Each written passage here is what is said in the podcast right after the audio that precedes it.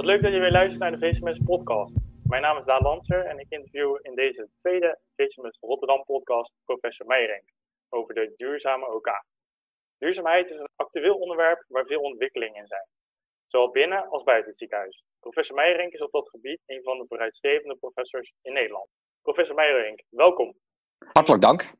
Vorig jaar bent u natuurlijk ook bij ons geweest in Rotterdam tijdens het zeer geslaagde PCMS symposium over transgenderchirurgie. Nu in wat andere vorm, maar wat leuk dat u weer in ons midden bent.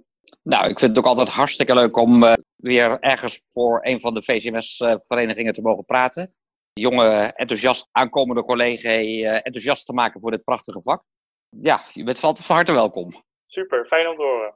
Ik heb in introductie al wat gezegd over u. Zou u zelf nog verder kunnen introduceren aan onze luisteraars? Zeker. Nou, ik ben Jeroen Meijerink. Ik ben nu 58 jaar. Ik woon in Friesland. Ik ben getrouwd en heb vier kinderen. Ik wist eigenlijk al heel vroeg in mijn opleiding dat ik uh, chirurg wilde worden. En niet eens in mijn opleiding. Ja, voor, voordat ik überhaupt geneeskunde studeerde, had ik altijd zoiets, ik wil chirurg worden. Waarom weet ik eigenlijk niet. Uh, ik heb helemaal geen chirurg in de familie of zo, maar dat was altijd wel iets van een droom voor mij. Ik ben geneeskunde gaan studeren in Nijmegen. En na mijn geneeskundestudie heb ik eerst wat rondgezworven. Ik heb een tijdje in Tanzania gewerkt, een half jaar. Ik heb een tijd in Antwerpen gewerkt voor wetenschappelijk onderzoek. En ik ben toen in 88 begonnen in Maastricht met een promotieonderzoek. En in 91 ook in Maastricht in opleiding gekomen. Daar de eerste drie jaar van mijn opleiding gedaan. Ik heb vervolgens een, mijn opleiding een jaar onderbroken voor een jaar research in Stony Brook in New York. En heb toen mijn opleiding afgemaakt in Eindhoven. Vervolgens ben ik naar Leiden gegaan. Heb anderhalf jaar daar mijn specialisatie gastrointestinale chirurgie gedaan. In 2006 ben ik naar de VU gegaan. Toen ben ik daar gevraagd of ik daar uh, de laparoscopische colonchirurgie, die ik in Leeuwarden grotendeels opgezet had, om dat ook voor Amsterdam te gaan doen. Nou, dat heb ik met tien jaar lang met veel plezier gedaan. En in 2016 werd ik gevraagd vanuit het Radboud ziekenhuis in Nijmegen of ik zin had om naar Nijmegen te komen als hoogleraar innovatieve chirurgie. En als afdelingshoofd van de operatiekamers. Nou, dat, dat leek me ongelooflijk leuk. Hè, want innovatie is iets wat, wat ik eigenlijk mijn, mijn hele leven mee bezig geweest ben. Het leuke in Nijmegen van de OK is dat eigenlijk in heel Nederland alle ziekenhuizen hebben, zien de OK als een facilitair bedrijf aan het hoofd van zo'n facilitair bedrijf, daar staat ook gewoon een manager die gewoon zorgt dat iedere dag de OK-programma's goed lopen, dat er voldoende personeel is. Maar een OK zelf uh, doet eigenlijk heel weinig aan opleiding. Is ook niet echt betrokken bij innovatie, die meestal dan toch ook wel erg specialisten gedreven is. Nou, ik zag daar echt een unieke kans dat je als afdelingshoofd op zo'n OK daar heel veel verschil kunt gaan maken op een aantal terreinen. En nou, één is wat ik net al noemde, patiëntveiligheid vind ik een enorm uitdagend thema. Hè. Hoe zorg je nou dat een patiënt zo veilig mogelijk weer hele procedures op een OK doorkomt en dan veilig weer die OK afkomt. Het andere wat voor mij natuurlijk technische innovatie vind ik heel belangrijk. En dat is het leuke dat je als hoofd van zo'n OK heel goed ziet waar alle verschillende specialismen mee bezig zijn.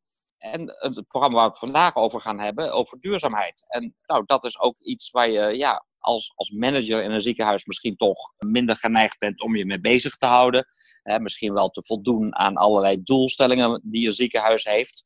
Maar om echt iets, een, een, programma te ontwikkelen of daar echt uh, op een, nou, misschien ook soms wel wetenschappelijke manier mee aan de slag te gaan, ja, dat ontbreekt. En toen ik in Nijmegen kwam, was het Radboud is is een heel groen universitair ziekenhuis. Heeft al heel lang duurzaamheidsplannen. Heeft ook een hele groene raad van bestuur. Zou het ook niet ongelooflijk leuk zijn om wat met duurzaamheid met die elkaars te gaan doen? Nou, en uh, uh, daar moest ik eerst even over nadenken. Hè, behalve dat je dan denkt van ja, misschien moet ik een beetje minder plastic gebruiken of misschien een beetje minder dat. Hè, maar hoe meer je daarover gaat nadenken en je ermee bezig gaat houden, hoe breder het wordt en hoe interessanter het ook wordt. En nou, daar ben ik zeg maar vanaf 2016 mee aan de slag gegaan. Als een van de drie grote thema's waar ik me mee bezig hou. En ja, daar, ik word er ook steeds meer door gegrepen, moet ik zeggen. Ik vind het ook steeds leuker worden om na te denken over duurzame zorg en vooral duurzaamheid op operatiekamers. Goed om te horen. Nou, dat is een hele, hele inleiding, maar... ja, u zegt dat u dus heel veel met innovatie bezig bent. In het Radboud UMC en dat dat een ziekenhuis is die dat heel erg simuleert. Ja, innovatie is eigenlijk uw passie, zegt u. Waar is die passie bij u ontstaan? Dat zit denk ik een beetje in je. Hè? Als ik kijk naar wat ik vroeger, toen ik een klein jochie was, allemaal al voor dingen verzon. Van, van rare vliegers tot weet ik veel wat, dingetjes maken. Nou, dat past natuurlijk prima ook bij een beroep als, als chirurg. Maar ik vind het ook iedere keer wel weer heel leuk om eh, te verzinnen en te bedenken hoe je dingen beter kunt doen. En dat dus toen die hele laparoscopische chirurgie opkwam, nou, dat viel eigenlijk exact gelijk met het begin van mijn opleiding. Toen ik in 91 begonnen en toen, toen begon net in Nederland voorzichtig de laparoscopische galblaaschirurgie. Nou, en dat, dus die hele ontwikkeling, ik ben voor een groot deel nog opgeleid in open chirurgie. Maar het was wel steeds duidelijker dat die hele laparoscopische chirurgie, dat dat een enorme vlucht zou nemen en ook veel meer toegepast zou gaan worden dan alleen maar voor galblazen. En nou, kwam ik ook in het tweede deel van mijn opleiding in Eindhoven terecht. En daar zat uh, dokter Jakimovic. En dat was ook een van de pioniers voor de laparoscopische chirurgie in Nederland. Ja, en toen, uh, toen begon die hele zeg maar, technische innovatie uh, begon bij mij ook steeds meer te leven. Van nou, hoe kun je nou voor, met zo weinig mogelijk schade voor de patiënt toch gewoon een effectieve operatie doen. Nou, daar leek natuurlijk die hele minimaal invasieve chirurgie, lijkt daar gewoon, ja, was daar, paste daar helemaal in. En dan, kom je dan loop je tegen allerlei andere dingen aan, van hoe, hoe visualiseer je dingen, ehm, kun je gebruik maken van uh, slimme trucjes zoals fluorescentie of van navigatiechirurgie om, om structuren beter te zien en om, om procedures allemaal nog veel veiliger te maken. Dus daar is zeg maar die innovatiedrang, ja, kwam daar eigenlijk uitstekend tot zijn recht. En dat zie je dan ook weer binnen zoiets als, als zo'n groene OK. want daar, je kunt niet zomaar zeggen, ik ga, ik ga een groene OK maken. Ook daar zit, ja, dan moet je helemaal gaan nadenken over andere processen en dingen anders gaan doen dan dat je daarvoor deed. Het gaat niet alleen maar om verzamelen van wat, wat, plastic of uh, papier op een elkaar en dan denken van ja, hoera, ik ben lekker groen. want dat is een druppel op een gloeiende plaat. En dat is ook een uitdaging waar we in de hele zorg voor staan. In de laatste jaren gaat het allemaal over klimaattafels en doelstellingen in de zorg. En ook als zorg zullen wij onze klimaatdoelstellingen moeten halen. En in 2050 moet de zorg in principe CO2-neutraal zijn. Nou, je snapt natuurlijk al lang dat met een beetje plastic verzamelen en papier uh, recyclen, gaan we daar echt never nooit niet komen. dus daar, daar zul je echt hele andere dingen moeten gaan doen en andere, op een andere manier met, met zaken om moeten gaan dan we gewend zijn. Ja, u gaf net al een aantal voorbeelden van uh, wat voor peerpunten belangrijk zijn in de switch naar duurzaamheid in het ziekenhuis. Uh, zoals plastic verzamelen. Uh, maar u zegt dat is niet genoeg. Wat is het belangrijkste speerpunt op dit moment om zo'n ziekenhuis duurzaam te maken? Nou, er is een heel verschil tussen, tussen ziekenhuis en, en een operatiekamer. Uh, als je kijkt naar de OK, is dat eigenlijk maar een heel klein stukje van het oppervlak van een ziekenhuis. Ik denk de meeste ziekenhuizen zal OK-oppervlak, nou, laat dat een keer 5% of, of 8% van een ziekenhuisoppervlak zijn. Maar een OK is wel eigenlijk het hart van een ziekenhuis waar gewoon heel erg veel gebeurt, wat, wat heel energieintensief is, wat afvalintensief is. Als OK ben heel belangrijk voor een ziekenhuis. We genereren zo'n 50, 60 procent van het ziekenhuisinkomen. Dat is allemaal gerelateerd aan, aan interventies. En niet alleen op de operatiekamer, maar ook de hartkatheterisatiekamer of bij de radiologie. Dus ingrepen zijn voor ziekenhuis en ziekenhuisfinanciën ongelooflijk belangrijk. Als je dat niet doet, ja, dan, dan, dan kun je tent wel sluiten. Maar dat kleine stukje in ons ziekenhuis gebruikt ook iets van 40, 50 procent van alle energie van een ziekenhuis. En wij genereren uh, ruim 30 procent van alle ziekenhuisafval. dus, dus je kunt wel zien dat je, ja, enerzijds is het cruciaal voor, voor het bestaan van een ziekenhuis om dingen te doen. Maar goed, je, je bent ook een groot verbruiker. Iets van 40% van alle spulletjes die dagelijks uh, een ziekenhuis binnen gesleept worden. En met al die vrachtwagentjes die naar een ziekenhuis toe rijden. Ja, daar gaat 40% zo rechtstreeks naar de OK toe. Er komen iedere dag uh, zeg maar drie, vier vrachtwagens vol spullen naar een OK toe. En die gooien we ook allemaal vervolgens weer weg. Ja, dat, daar moet je toch echt op een andere manier mee over, over na gaan denken. En dingen echt anders gaan inrichten. Wil je in ieder geval die, die CO2-footprint en, en, en duurzaamheid echt op een andere manier gaan vormgeven. Je moet gaan nadenken van, ja, behalve dan zeg maar dat papier en plastic wat we net al noemden. En dat is eigenlijk maar een heel klein onderdeeltje van, een, van, van, van je CO2-footprint op een elkaar. Als elkaar is bijvoorbeeld energie is een heel erg grote component van, van je CO2. Als je bedenkt dat al die elkaars die in een ziekenhuis staan, daar staan bijvoorbeeld dag en nacht al die luchtfilters en uh, circulatiesystemen te, te loeien. Nou, die kosten enorm veel stroom. Wordt het ook meestal niet via het normale stroomnet gedaan, maar vaak ook nog weer via apart grote dieselpompen die op een dak van een ziekenhuis staan. Die uh, vervuilend zijn, verouderd zijn. En die staan gewoon de hele dag continu te loeien om al die OK's maar continu van, van lucht te verversen. En ja, en die dingen kun je bijvoorbeeld s'nachts prima uitzetten, want s'nachts is er toch niemand op zo'n OK. En als je die ochtends een kwartiertje voor je weer begint weer aanzet, nou dan, dan is uh, zeg maar 10, 15 minuten later is je OK gewoon weer prima om te gaan opereren. dus als je s'nachts één of twee acute OK's hebt waar die luchtbehandeling blijft draaien en op alle andere OK's zet je, zet je die uit, ja, dan spaar je op jaarbasis al de helft van het grootste deel van je energiekosten op elkaar dus dat lijkt heel eenvoudig, maar ja, ten eerste moet je bewust zijn van, nou, waar, waar zitten nou mijn grootste afval of mijn grootste vervuilers op de OK? nou, energie is er daar één van. Nou, die is dan nog relatief makkelijk aan te pakken. Plastic is natuurlijk alweer een heel ander probleem. Want industrie levert gewoon alles in plastics aan. In kartonnen dozen, verpakt in plastic. Een binnendoos, verpakt in plastic. Een gebruiksaanwijzing, verpakt in plastic. Dan kun je wel zeggen, ja weet je, dat wil ik allemaal niet. Maar als ik als Radboud tegen eh, Johnson Johnson of Medtronic, hè, de twee grote wereldspelers zeg maar, voor chirurgisch instrumentarium, tegen zegt van jongens, eh, vanaf morgen wil ik alleen nog maar een kartonnen doosje met één plastic verpakking. Ja, dan zeggen ze nou, professor Meijerink is een hartstikke goed idee, maar dat gaan we niet doen. Dat is niet lonend om dat alleen voor het radbouw te doen. En bovendien zitten wij vast aan allerlei regulaties die vereisen dat het dubbel verpakt wordt of dat er een aparte gebruiksaanwijzing bij komt. Uh, dus het is alles heeft met, wat dat betreft met elkaar te maken. En je, en je zult mensen en industrieën langzamerhand steeds meer moeten gaan overtuigen dat we naar een ander beleid op een operatiekamer moeten. Bijvoorbeeld met de industrie zijn we nu heel erg aan het kijken van, zou je niet veel meer naar één soort plastic kunnen gaan? Nu heb je wel, ik denk iets van honderd verschillende soorten plastics op een OK. Het is onmogelijk om die allemaal te gaan scheiden. Maar wil je plastic weer op een zinvolle manier willen hergebruiken, dan kan dat alleen maar als je ze ook, die afvalstromen, scheidt in monostromen.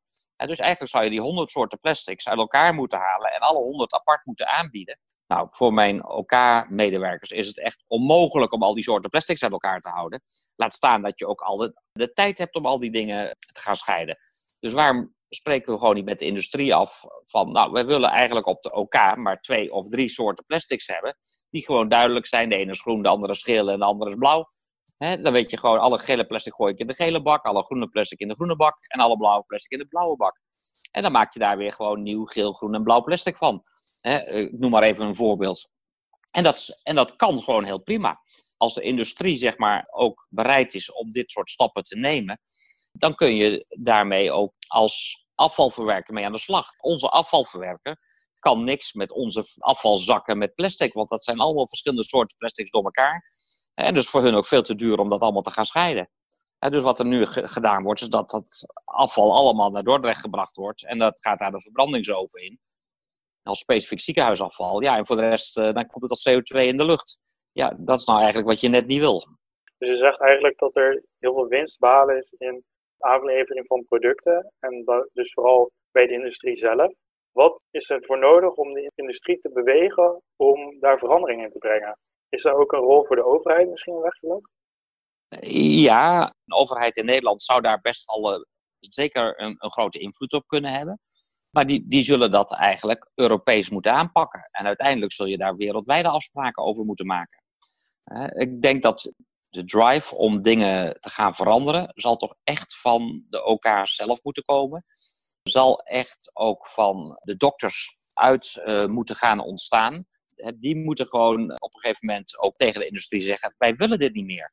Ik wil niet meer al dat soort plastic op mijn OK. Of ik wil niet meer allemaal apparaten die ik één keer gebruik en daarna gewoon weggooi. Want al die staplers en uh, sealing devices en noem al die apparaatjes hebben hartstikke leuke dingen waar het leven van chirurgen ongelooflijk veel makkelijker mee geworden is. Maar die dingen waren 20, 25 jaar geleden bijna allemaal van roestvrij staal. Die konden gehersteriliseerd worden, hergebruikt worden. Nou, en onder invloed van allerlei regulaties, uh, zogenaamde patiëntveiligheid, ook vooral heel erg industry-driven. die allemaal riepen van single patient use. dus alles wat je maar eenmalig voor een patiënt gebruikt, is het allerveiligste. Ja, dat kan wel wezen, maar het vervuilt ook het allermeeste. dus we zijn, al die dingen zijn we van plastic gaan maken. En die, die, die gebruik je één keer en die gaan daarna in die grote ton naar Dordrecht uh, om daar weer verbrand te worden. Nou, dat is natuurlijk, ja, we zijn eigenlijk gewoon met z'n allen collectief krankzinnig geworden. Dat we dat ook hebben laten gebeuren, zonder dat we erover nagedacht hebben. Van ja, wat doen we onszelf en wat doen we de zorg eigenlijk aan? Ik hoor ook vaak dat one-time use spullen gebruikt worden omdat ze goedkoper zijn. Is dat ook een motivatie voor ziekenhuizen om juist daarmee te werken in plaats van roestvrij staal? Ja, dat, dat, het zijn altijd, ik geloof absoluut niet dat het goedkoper is. Tegendeel, ik denk dat het e-, eerder, het zorg is natuurlijk ongelooflijk veel duurder geworden in de laatste 25, 30 jaar. Mede ook door dit soort ontwikkelingen. We kunnen natuurlijk ook heel veel meer dan 25, 30 jaar geleden. Hè? Dus ik bedoel, de mogelijkheden zijn ook enorm uitgebreid. En dat het daarmee ook duurder geworden is, ja, dat is logisch. Maar je moet daar wel heel kritisch bij blijven of je wel continu de goede dingen aan het doen bent. En die ontwikkeling met die single-patient devices, dat is denk ik toch achteraf geen goede ontwikkeling geweest. De meeste van die dingen kun je ook veel duurzamer maken. Je kunt ze ook bijvoorbeeld uh, prima hersteriliseren. Dus al, al 25 jaar geleden aangetoond dat heel veel van dit soort staplers, uh, dat die prima te hersteriliseren zijn. Alleen wet en regelgeving houdt het vaak tegen. En bedrijven in het verleden hebben dit natuurlijk met hand en tand tegengehouden. Want die verkochten natuurlijk liever één keer een apparaatje voor veel geld aan een dokter. En dat voor de volgende patiënt weer een nieuw apparaatje. Terwijl ik zo'n ding ook voor 20 euro kan laten steriliseren. Nou ja, dat was natuurlijk eh, niet de bedoeling eh, zoals de industrie dat voor zich zag. Die werden daar dan ook nog eens door geholpen door wet en regelgeving. Want er stond heel duidelijk op zo'n apparaat van bedoeld voor eenmalig gebruik. Ja, zegt de wetgever dan. Er staat heel duidelijk op van de fabrikant: het is voor eenmalig gebruik en niet uh, voor om 20 keer te hergebruiken. Dus u mag dat apparaat mag u ook niet hersteriliseren. Nou, hè, dus er zijn in Europa en in Amerika en wereldwijd ja, heel veel uh, regels gekomen ook, die dit, dit soort dingen ook verbieden. Terwijl je zo'n zo'n stapler, die wordt zo stevig gemaakt van zo kwalitatief goed materiaal, dat je die minstens 20 keer kunt hergebruiken. Alleen, ja, tot nu toe was daar gewoon vanuit de industrie, maar ook vanuit dokters, niet echt een draagvlak voor. Want ja, dokters zeiden ook van ja, het is gemaakt voor eenmalig uh, gebruik. Hoe veilig is het als ik het ga hersteriliseren? Maar een schaar die, die ze hersteriliseren, gebruiken ze wel uh, zonder erover na te denken. Terwijl zo'n stapler, als je die hersteriliseert, dat ze dan zeggen: ja, ja, ik weet niet of het wel veilig is. En misschien moet de industrie het ontwerp ook wel wat aanpassen. Dat je veel beter kunt hersteriliseren. En misschien moet je er wat meer duurzamere materialen in stoppen die het hersteriliseren ook makkelijker maken. Maar dan ben ik ervan overtuigd dat het natuurlijk veel goedkoper is om één keer zo'n apparaat te maken en dat twintig keer te hersteriliseren. Hersteriliseren kost, ik denk, iets van 20, 30 euro. Terwijl zo'n nieuw apparaat is 600 euro. Ja, ik snap ook wel dat de industrie liever 20 keer iets van 600 euro verkoopt. dan één keer iets voor 600 euro en daar waar ze 20 keer niks voor terugzien ik ben ook al bezig geweest met van dit soort bedrijven. Maar waar maak je er dan geen businessmodel van? als jij nou die dingen weer terugneemt en jij gaat ze hersteriliseren. en verkoopt die dingen dan voor, weet ik veel, 250 euro per keer. Nu betaal ik iedere keer 600 euro. Ik krijg iedere keer een nieuw ding wat ik weggooi. Als ik 250 euro betaal voor de eerste, dan heb je misschien als bedrijf daar een klein beetje verlies op.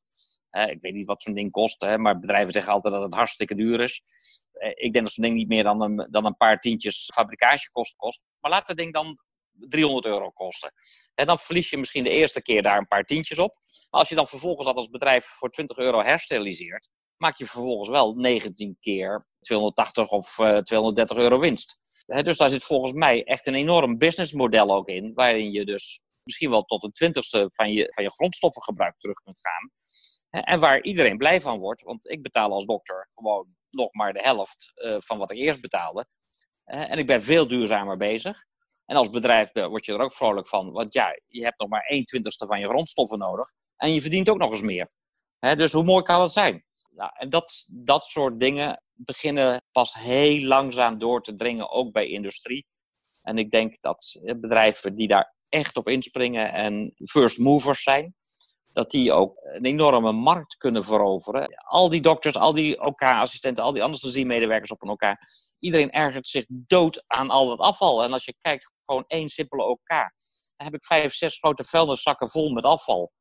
Die allemaal naar Dordrecht gaan om verbrand te worden. Ja, het is te krankzinnig voor woorden. Dus daar, daar zullen we toch echt een, anders mee om moeten gaan in de toekomst. Willen we de zorg en betaalbaar houden, maar ook zorgen dat kinderen van onze kinderen ook nog een leefbare wereld overblijft. Ja, heel belangrijk. Dus er heeft al inderdaad mooie alternatieven. En ja, dus vooral de mindset moet eigenlijk veranderd worden, zegt u. Ja, ehm, en wat jij net, eh, wat jij net toen, straks ook al eventjes noemde, hè, van ja, is, is dan eh, zo'n eh, steriliseerbaar product, is dat dan altijd wel beter dan wegwerpproduct? Dat is heel lastig. Daar moet je echt eigenlijk een complete lifecycle analysis voor doen. Dat je echt van bron tot aan eindproduct en het verwerken van het eindproduct echt gaat bekijken van nou, welke stappen zitten daarin, wat kost het aan energie, waar, uh, wat kosten zijn de transportkosten, de uitstoot van transport, de uitstoot van verbranden. dus het is echt niet zo dat zomaar alles in één keer beter is als je het maar weer kunt hergebruiken. Iets van, van kost natuurlijk ook enorm veel energie om het te produceren. Er moeten ook kolen voor gesmolten worden. Maar als je zo'n ding dan vervolgens 200, 300 keer of 500 keer kunt gebruiken, ja, dan, dan voel je op je klompen aan dat dat toch echt wel waarschijnlijk een stuk beter is voor het hele milieu dan dat je gewoon 500 keer zo'n ding gewoon maakt en weggooit. Maar dat zijn lastige analyses, en, en, maar daar, daar moet je wel naar kijken met z'n allen. En dan moet je gaan kijken van nou, hoe kunnen we dan concepten zodanig verbeteren dat je wel heel duurzaam bezig bent. Plastic kan daar gewoon prima in passen. Niet alles wat plastic is, is slecht. Wat ik, waar, ik, ik het begin al eventjes over had. Als je het over monostromen creëren hebt op een OK. Als ik dat plastic dan maar van één soort plastic krijg. Er zijn tegenwoordig eh, bedrijven eh, die leveren een soort smeltmachines voor in ziekenhuizen. Als ik daar gewoon één soort plastic in gooi, komt daar aan de onderkant van zo'n machine komt daar één soort plastic blokje, gesmolten blokje uit. En die kun je gewoon weer prima opnieuw gebruiken voor het produceren van dezelfde uh, materialen. dus dan ben je echt volledig circulair bezig. Waarbij je het materiaal gewoon weer hergebruikt om er weer het nieuwezelfde materiaal van te gebruiken. En, dat, en daar zullen we toch veel meer naartoe moeten. Dat je, en daar hebben we echt de hulp van industrie nodig. Maar daar heb je ook de drive van dokters voor nodig. Die zeggen, dit willen we gewoon niet meer. Het moet anders. We gaan het anders doen. En die oplossing die kun jij als individuele dokter nooit voor elkaar krijgen. Dat moet je gezamenlijk gaan doen als land, liefst als Europa, om een vuist te maken naar industrie. Van jongens, dit gaan we anders doen. Dus er ligt ook wel een groot eh, aandeel bij ons als dokters. Een belangrijke boodschap aan onze leden die hier naar luisteren om uh, later gedachten te houden. Om zo samen hier toch wat aan te kunnen veranderen. Nou, heel veel alternatieven voor instrumentaria die worden gebruikt op OK. U heeft ook als thema dat medicijnen een grote stempel drukken op de voetafdruk van de aarde. Op medicijngebied, wat zijn vervuilende medicijnen en hoe pakken we juist het medicijnenprobleem aan? Ja, medicatie in afvalwater is, is, is ook een groeiend probleem wereldwijd. Dus als je kijkt in, in afvalrivieren of, of meren, eh, wat voor stoffen je daar als, als afvalstoffen van medicatieresten al kunt aan Dat, dat, is, dat is al echt wel beangstigend. En hè, de, de vraag is wat dat ook met zeg maar, alle levende organismen in, in, in water doet. En met al die afvalresten van medicatie. Dus je zult eigenlijk zoveel mogelijk moeten gaan naar biologisch afbreekbare medicatie. Waarbij je eh, goed kijkt van nou, welk middel levert gewoon het minste schade op en is gewoon goed biologisch afbreekbaar het liefst in jouzelf. Hè, als, als mens dat je een medicijn krijgt wat zijn werking doet en daarna door je lichaam ook volledig afgebroken wordt. Nou, ook bij het ontwerpen van medicatie is daar gelukkig wel steeds meer aandacht voor. Maar we hebben nog heel veel medicatie die gewoon uitgescheiden wordt en daarmee in het, eh, oppervlaktewater terechtkomt. Voor een elkaar is medicatie eigenlijk niet het allergrootste probleem behalve één soort medicijnen op een OK. En dat is de anesthesie. En die gebruiken we natuurlijk op een operatiekamer in hele grote hoeveelheden. En daar kun je met name ongelooflijk foute keuzes in maken. En dan gaat het met name over dampvormige anesthetica. Dus die gassen die wij tijdens een operatie geven om patiënt zeg maar, in, in slaap te houden. Want die gassen die komen eigenlijk onveranderd ook je lichaam weer uit. En als je die gewoon maar via afzuigsystemen in de vrije natuur blaast, en dan hebben die, die anesthesiegassen, die zijn 2500 keer zo CO2 genererend, CO2-equivalenten als CO2. dus voor één molecuul stampvormig anestheticum heeft hetzelfde effect als 2500 moleculen CO2. En dat zijn dan ook nog eens moleculen die heel slecht afbreekbaar zijn en heel lang in de atmosfeer blijven hangen, ozonlagen aantasten. Dus dat zijn eigenlijk medicijnen die je onmiddellijk zou moeten verbieden. En er zijn ook hele goede alternatieve dampvormige anesthetica, die veel minder carbogeen zijn dan, dan bijvoorbeeld desfluraan. Desfluraan is dat middel waar ik het net over had. dus dat, dat 2500 keer zo sterk broeikaseffect heeft als CO2. Nou, er zijn ook andere middelen, isofluraan of zo, dat heeft, dat heeft iets van 50 keer zo'n sterk broeikaseffect als CO2. Is nog steeds behoorlijk, maar is natuurlijk wel, dat is een factor de 100 kleiner dan, dan desfluraan.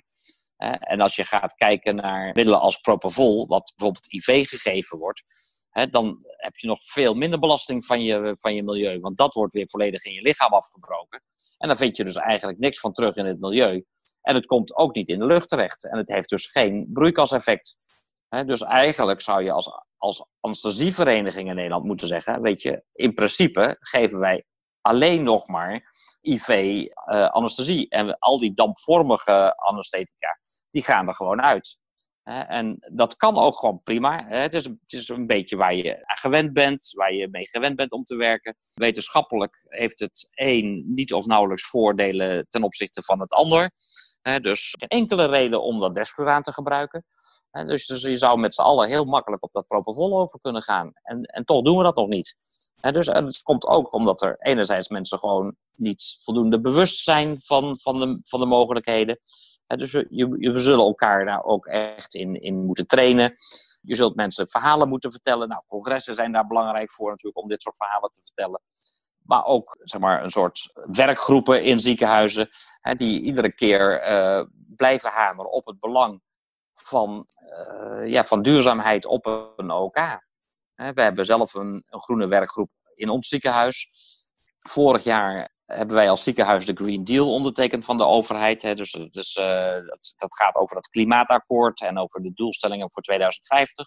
Nou, en tijdens dat congres waar ziekenhuizen en beroepsverenigingen ook zeg maar, die Green Deal ondertekend hebben, er is ook ieder jaar een verkiezing voor duurzaamste zorgprofessional. En vorig jaar ben ik tijdens dat congres gekozen tot uh, duurzaamste zorgprofessional van Nederland. Dat was natuurlijk hartstikke leuk. Maar wat, wat er echt leuk aan was, is dat wij vorig jaar daardoor uh, vanuit het ministerie van VWS een projectleider gekregen hebben om in Nederland alle zeg maar, werkgroepen die er in ziekenhuizen zijn, of uh, initiatieven die er in ziekenhuizen zijn, om die samen te gaan bundelen. Zodat we zeg maar, in Nederland een soort ja, collectief gaan krijgen, wat zich bezig gaat houden met duurzaamheid op elkaar. En waar je elkaar van elkaar kunt gaan leren. En dat je van elkaar kunt horen van, goh, waarom lukt het bij jou wel en waarom lukt het nou bij mij niet? En hoe zou ik het dan bij mij voor elkaar kunnen krijgen? Zodat je elkaar gaat helpen, dat je van elkaar hoort van dat moet je wel doen of dat moet je niet doen. Maar ook samen misschien wel een vuist naar de industrie kunt maken van, god, wij willen het alleen nog maar zo. En dat je dus met z'n allen veel meer daarin eh, samen op gaat trekken dan, dan we nu doen. En ik denk dat dat heel belangrijk gaat zijn. Uh, ook, ook jullie generatie is belangrijk om, om je daar bewust van te zijn. Ook al ben je misschien nog niet beroepsactief op dit moment. Maar ook die bewustzijn begint gewoon bij jullie. Jullie zitten dadelijk als co-assistenten op een OK. Ook daar moet je de juiste vragen stellen. Ook als co-assistent kun je al lid worden van zo'n, van zo'n werkgroep in een ziekenhuis en kun je mee gaan praten. Het is jullie toekomst, het is, jullie, het is ook jullie planeet. Dus denk gewoon mee van hoe, hoe kun je dingen gaan veranderen? Hoe kunnen we veel slimmer omgaan met, met, met al die grondstoffen op een OK? Hoe kun je innovatie gaan toepassen op, op dit soort zaken? Ik zou jullie met, wat dat betreft met z'n allen ook willen oproepen. Probeer daar gewoon in mee te denken en probeer ons te helpen. jullie hebben vaak daar ook gewoon waanzinnig goede ideeën over, out-of-the-box ideeën. als je 10 jaar of 20 of 30 jaar in je praktijk zit, ja, dan heb je vaak ook het idee, het kan niet anders. En dan doe ik doe het maar zoals ik het altijd gedaan heb. En dan heb je zo'n jonge, frisse geest nodig die zegt, maar ja, maar waarom dan? Of als je nou eens dat doet, zou dat schelen? Dus, uh, dus ook zo'n VCMS, ik zou jullie ook willen oproepen van, zorg dat dit ook een onderdeel van, van je handelen gaat worden. Dit is iets wat je als dokter gewoon in jezelf moet gaan krijgen. En niet alleen als je later chirurg wil worden, maar ook als huisarts of als internist. Dan moet je over die medicatie gaan nadenken. Eh, we moeten over afval gaan nadenken. Het zit overal in je hele ziekenhuis. En als ziekenhuis zullen wij ook over 50 jaar, of over, wat is het nu, over 30 jaar, gewoon CO2-neutraal moeten zijn. En als we dat niet doen, dan kunnen we gaan sluiten. Nou, dan zal dat dan natuurlijk wel niet zo snel gebeuren. Hè? Maar we hebben wel die doelstelling. Ja, belangrijke boodschap voor, voor onze luisteraars dus, en voor mijzelf ook. Ik ga er, uh, ik ga er zeker uh, mee aan de slag. En ook als VCMS zijn, dan kunnen we hier inderdaad ook meer aandacht aan besteden. Voor de rest kan ik me zo voorstellen dat het misschien ook belangrijk is om een geneeskundeopleiding hier voldoende aandacht aan te besteden. Gebeurt dit al? Ja, ja we, ik, hier in Nijmegen draait nu een master uh, medisch leiderschap. En daar zit ook een heel groot stuk duurzaamheid in. En daar geef ik ook les in. En dan met name over dit soort dingen als de groene OK, maar ook duurzaamheid in je ziekenhuis. En ik hoop dat, dit, dat hier ook in opleidingen steeds meer aandacht voor gaat komen. Heel erg fijn. Ik hoop het ook. Voor de rest, ik wil nog eh, even aan u vragen. Van, nou, u heeft al heel veel goede boodschappen gegeven aan onze luisteraars. En veel van onze luisteraars zijn ook geneeskundestudenten die straks kooschappen gaan lopen in het ziekenhuis. Wat is de belangrijkste boodschap om aan hen mee te geven? En hoe kunnen zij als co-assistent echt bijdragen aan een duurzaam ziekenhuis? Je blijft verbazen. Dat is denk ik het allerbelangrijkste. En, en vragen blijven stellen. Blijven nadenken. Dingen ik kan me voorstellen, soms is het als co-assistent ook wel heel lastig. Hè, want je komt net kijken, je hebt nog niet echt idee hoe van alles gaat. En je neemt eigenlijk vaak aan dat alles zoals dingen die je tegenkomt in je kooschappen, dat dat dus ook zo is. dat dat de wereld is zoals die in de geneeskunde in elkaar zit. en je leert het vak van mensen die ouder zijn dan jij, uh, specialist zijn. en het is ongelooflijk belangrijk dat je continu je blijft verbazen, vragen blijft stellen bij dingen die je leert. Niet alleen over, over behandelingen, van waarom doe je het zo, kan dat niet anders. Maar ook over dit soort dingen, over duurzaamheid. Als jij je verbaast over de hoeveelheid afval die er aan het eind van zo'n OK in de prullenbak gegooid wordt. Dat je je afvraagt en of vraag stelt van, kan dat niet anders? En dat je misschien, eh, je hebt in Nijmegen in de eerste drie jaar lopen innovatieprojecten voor, voor studenten. Die moeten dan gedurende twee, drie jaar eh, doen ze een innovatieproject met een groepje van vier, vijf. En die gaan ergens over nadenken om een oplossing te verzinnen. En die komen met de meest waanzinnig leuke dingen. En ik, ik, daar ben ik ook zo enthousiast over dat stukje onderwijs. Dat je gewoon vier, vijf studenten bij elkaar denkt van... Goh, we hebben een probleem, dat gaan we, daar gaan we eens iets voor bedenken. En dat je dan out of the box met iets komt waar nog niemand aan gedacht heeft. Uh, dat is ongelooflijk leuk. En die input hebben we gewoon ook echt nodig. Je bent nu nog uh, flexibel, je kunt nog over dingen nadenken waarom en hoe je dingen anders zou willen hebben. Ik denk dat je daar als co-assistent of als student ook echt al gewoon een prima bijdrage aan kunt leveren. Dat is een hele mooie boodschap van u. ga ik zeker ook zelf meenemen tijdens mijn co-stappen. En dan wil ik u hartelijk bedanken voor dit interessante gesprek over de duurzame elkaar. Nou, jij ook uh, heel hartelijk dank. En ik vond het uh, ongelooflijk leuk om uh, hier weer wat te mogen vertellen over dit onderwerp. Daarnaast wil ik ook de luisteraars weer bedanken voor het luisteren. Zie ik jullie graag terug bij de volgende podcast.